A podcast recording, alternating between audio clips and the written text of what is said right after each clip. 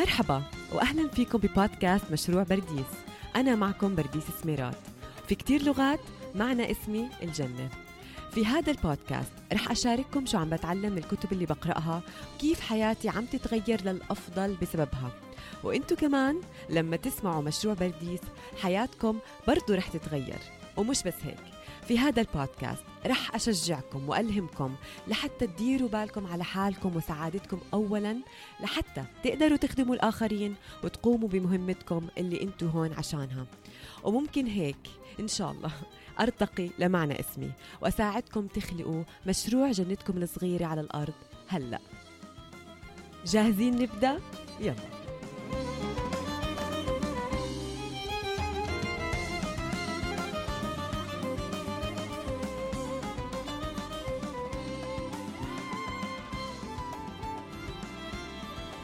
الكاتب الرائع سيث جودن بيحكي سبب عدم تحديد الأهداف هو إنه إحنا خايفين. منخاف نقول هدف بصوت عالي حتى لحالنا وبالتأكيد منخاف من كتابته. منخاف إنه نحاول نحقق الهدف ونفشل. وأكتر شيء مدهش إنه خايفين نوصل لهدفنا. لأن الوصول لأهدافنا يعني إنه حياتنا رح تتغير. وغالبا التغيير هو في صميم مخاوفنا. قطعنا كتير شوط في تخطيط الأهداف وللي بسمعني لأول مرة اليوم بحكي لكم أنتو ما راح عليكم إشي. حلقة اليوم تقدر تسمعوها وتوصلكم الحلقة بدون ما تكونوا سامعين الجزء الأول والثاني من سلسلة تخطيط الأهداف. اليوم هو فعلا الجزء الثالث بس هدف هذه الحلقة هو إقناعكم إنكم تحتاجوا إيش؟ تكتبوا أهدافكم. حلقة اليوم عن أهمية كتابة الأهداف. بالسنة الماضية أخذت كورس اسمه Alt MBA وتعلمت فيه بعض الأشياء اللي بنقنع فيها حالنا أو أكاذيب نقنع نفسنا فيها لما نفكر بموضوع تخطيط وكتابة الأهداف. أول كذبة بنحكيها لحالنا إنه كتابة الهدف بتخليه أقل احتمال يحدث. تخيلوا. يعني لما تشتروا تأمين على الحياة هل هذا بزيد من احتمالية وفاتكم؟ هيك إحنا بنفكر مرات عن تخطيط الأهداف أو كتابتها. والكذبة الثانية اللي بنقنع حالنا فيها إنه كتابة هدف رح تخلي الموضوع مؤلم أكثر إذا ما حققناه. كلها عبارة عن excuses وحجج نستخدمها حتى ما نكتب أهدافنا. كلنا بنعرف إنه لما نكتب إشي رح يكون أسهل علينا نتذكره. أنا عشان هيك أصلا بحب الستيشنري كتير. عندي كتير اقلام ودفاتر بحب أكتب أصلا من يوم يومي وبعرف إنه لما أكتب بتذكر.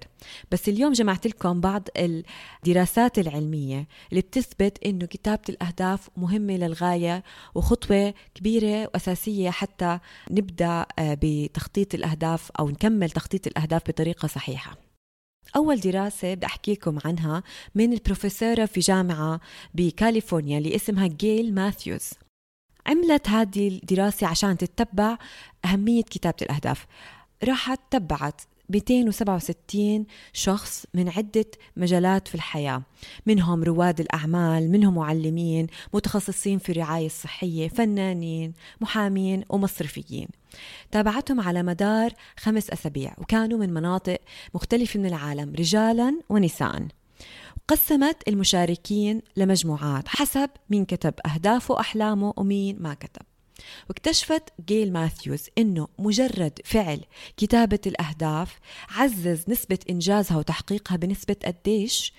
42% مين منا ما بحب يزيد فرصة تحقيق أهدافه بنسبة 42% هذا الإشي لحاله حافز كبير بخلينا نكتب أهدافنا.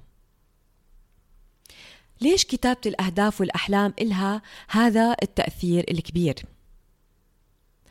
خلينا نحكي عن موضوع الكتابة بخط الإيد وإيش بتحكي لنا الدراسات العلمية؟ دراسة ورا دراسة بتحكي إنه رح نتذكر الأشياء أكثر وأفضل بعد ما نكتبها. وعادة هاي الدراسات بتكون بتدرس الطلاب طلاب بالمحاضرات وكيف عم بيكتبوا ملاحظاتهم. يمكن بعالمنا العربي ما بعرف إذا كتير انتشرت ولا لسه بس أيامي بالجامعة ما كان حدا يكتب ملاحظاته على طريق آه، اللابتوب تاعه. بس هلأ دراسات قارنوا بين اللي بياخدوا ملاحظات المحاضرة عن طريق الدفاتر والكتابة بالقلم والورقة والناس اللي عم ياخذوا الملاحظات عن طريق اللابتوب. هاي الدراسة اللي رح أترك لكم مصدرها بال notes بيحكوا إنه كتابة الملاحظات بالإيد بتتطلب أنواع مختلفة من المعالجة أكثر من تدوين الملاحظات عن طريق اللابتوب. وهاي العمليات لها عواقب على التعلم الكتابة باليد أبطأ وأكثر تعقيد من الطباعة. ما بيقدر الطلاب يكتبوا كل كلمة في المحاضرة. بس في ناس اللي بيطبعوا سريع بيقدروا يطبعوا كل كلمة في المحاضرة. فعشان نكتب بالإي لازم يسمعوا ويستوعبوا ويلخصوا حتى يلتقطوا جوهر المعلومات بشكل ملخص. وهيك تدوين الملاحظات بالإيد بخلي الدماغ بيجبره إنه يشتغل. وهاي الجهود تاعت الدماغ بتعزز الفهم والحفظ. على النقيض من هيك الكتابة على اللابتوب بتخلي الطلاب ينتجوا هيك زي ترانسكريبت للمحاضرة زي ما هي دون أن يعالجوا المعنى تبعها. ولأنه في ناس بيطبعوا كتير بسرعة فزي كأنهم بينسخوا المحاضرة كلمة بكلمة دون أن يعطوا انتباههم للمحتوى أو يفكروا فيه. إذا هاي الدراسة الأولى بتحكي إنه طلاب المحاضرات اللي بيكتبوا بخط الإيد أسهل يسترجعوا المعلومات اللي كتبوها وبكتبوا الأشياء المهمة أكثر من الأشياء الغير مهمة. بينما اللي بيكتبوا على اللابتوب بس بيطبعوا رح يكتبوا زي كأنه نسخ للي عم بيسمعوه زي ما هو. بدون ما يعملوا له معالجة ويحولوه لإشي له معنى بهمهم حسب فهمهم للمعلومة. كمان إشي ليه نكتب الأهداف. أوكي؟ ليه نكتبها كتابة آه، شو بيأثر كتابة الأهداف؟ الكتابة بتحدث على مستويين مستوى التخزين الخارجي ومستوى التشفير كيف يعني؟ آه يعني التخزين الخارجي آه إنك بتخزن الهدف على مكان بتقدر توصله مثل آه مثل ورقة بتقدر تراجعها بأي وقت بتقدر تحطها على مكتبك بتقدر تحطها تعلقها على مكان بتقدر تشوفه كل يوم. كلنا بنعرف قديش إنه لما نشوف إشي بشكل يومي بصريا هذا الإشي بيساعدنا نتذكره. بس شو يعني تشفير أو encoding؟ التشفير هو العملية البيولوجية اللي بتنتقل من خلال الأشياء اللي بنتصورها لمنطقة في الدماغ اسمها ال hippocampus هناك هاي المنطقة مسؤولة عن القدرة على تخزين واسترجاع الذكريات وهناك بتم اتخاذ القرارات بخصوص إيش بنخزنه في ذاكرتنا على المدى الطويل وإيش نتخلص منه. فالكتابة بتحسن عملية التشفير هاي. يعني كمان مرة تأكيد إنه لما نكتب فرصة تذكر الأشياء اللي عم نكتبها بتكون أكبر بكتير. وفي كمان سبب تاني عشان أشجعكم تكتبوا اللي هو حددوه علماء النفس العصبي بمسمى سموه تأثير التوليد generation effect. إنك أنت ولدت هاي الفكرة بيساعدك تتذكرها لأنك أنت صاحب الفكرة. ناس بتذكروا أكثر الأشياء اللي هم كونوها هم عملوها مقارنة بالأشياء اللي بس قرأوها وهي إشي كتير رائع. لما تكتب هدفك بتقدر توصل لتأثير التوليد أو generation effect مرتين. أول مرة لما تتخيل الهدف في مخك okay لما تخترع الهدف أو تتخيله هاي أول مرة أنت انت اللي عملت الهدف وصنعته براسك ولما كتبته لأنك عم تسترجعه مرة تانية وبتعيد خلق أو إنشاء هاي الصورة ف... وبتحطها على الورقة هون مرة تانية استخدمت تأثير التوليد وهيك بتكون في كتير processing صار بدماغك وعم تتذكر الهدف وبصير في عندك فلتر له أعلى بتشوفه بحياتك اليومية وتتذكر وتتذكر أشياء المربوطة فيه. شو؟ بلشتوا تقتنعوا إنه قد إيه مهم نكتب أهدافنا؟ وما رح أترككم غير ما أقنعكم تكتبوا أهدافكم. آخر أسباب رح أحكي لكم إياها لكتابه الأهداف حسب الكتاب المفضل عندي بموضوع ال goal setting اللي هو كتاب مايكل هايت اسمه Your Best Year Ever. بيحكي إنه نلتزم بكتابة الأهداف مش الهدف النهائي بس هي هذا الالتزام هو أساس للنجاح. ليش؟ لخمس أسباب. أول سبب لتكتب أهدافك إنه بيجبرك على توضيح اللي بدك إياه. يعني تخيلوا تنطلقوا في رحلة بدون وجهة معينة. كيف بتضبوا شنتيكم إيش الطرق اللي رح تسلكوها؟ كيف بتعرفوا انكم وصلتوا فبدل من هيك تبدوا باختيار الوجهة اللي بدكم تروحوا لإلها من أول. الوضوح لكتابة أهداف شرط مسبق للكتاب. يعني ما رح تكتب تمسك القلم وتبلش تكتب إلا تكون عارف شو رح تكتب صح؟ بموضوع الأهداف بعد خاصة كل التمارين اللي عملناها. فالكتابة بتجبرك تحدد شو بدك وتكون واضح مع نفسك. السبب الثاني لكتابة الأهداف إنه بيساعدك على التغلب على المقاومة مقاومة إنك تعمل وتشتغل على هدفك. لما نضع الجهد اللازم لصياغة أهدافنا وتسجيلها إحنا بطلنا بس عم نحلم صرنا كمان عقولنا عم تشتغل حتى تفكر كيف بدنا نحققها. عم نحلل عم نفكر عم نخطط. كل نية أو حلم أو هدف له معنى بيواجه مقاومة من عقلنا بده يضل عقلنا بمنطقة الراحة تاعته هاي المعرفة كتير. بس من اللحظة اللي منحدد فيها هدف رح نبدأ نشعر فيه مش بس نشعر فيه نشعر فيه عاطفيا وهلأ بالكتابة عم مندخل مشاركة دماغنا فكريا فبتقربنا هاي الشغلة من إنه الهدف تاعنا وكمان بزيد عزمنا لنحققه فبنتغلب على أي مقاومة عم نحسها حتى نشتغل عليه.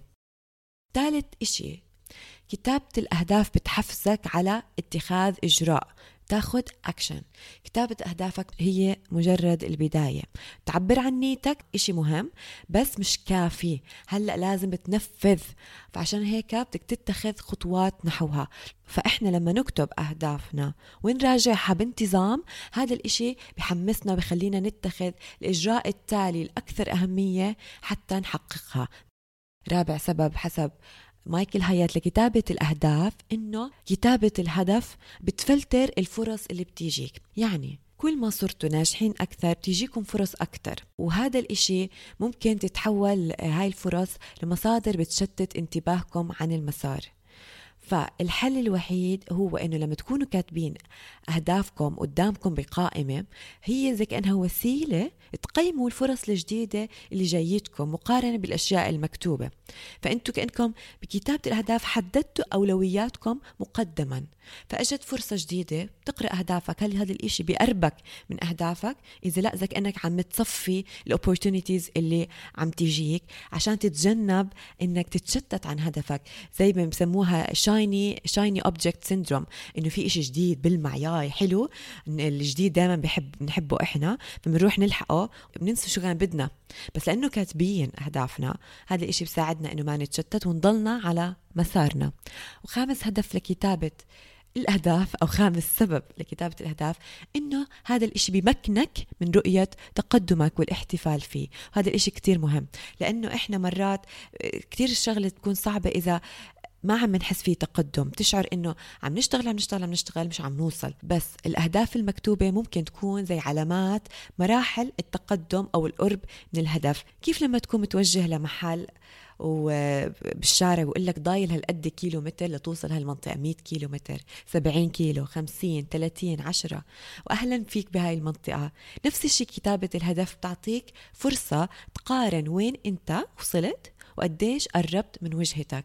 وكمان هذه الإشي فرصة للاحتفال لعند بلوغ المنطقة اللي بدك إياها أو الهدف اللي بدك إياه. والاحتفال إشي مهم رح نحكي عنه أكثر بالحلقة الجاي.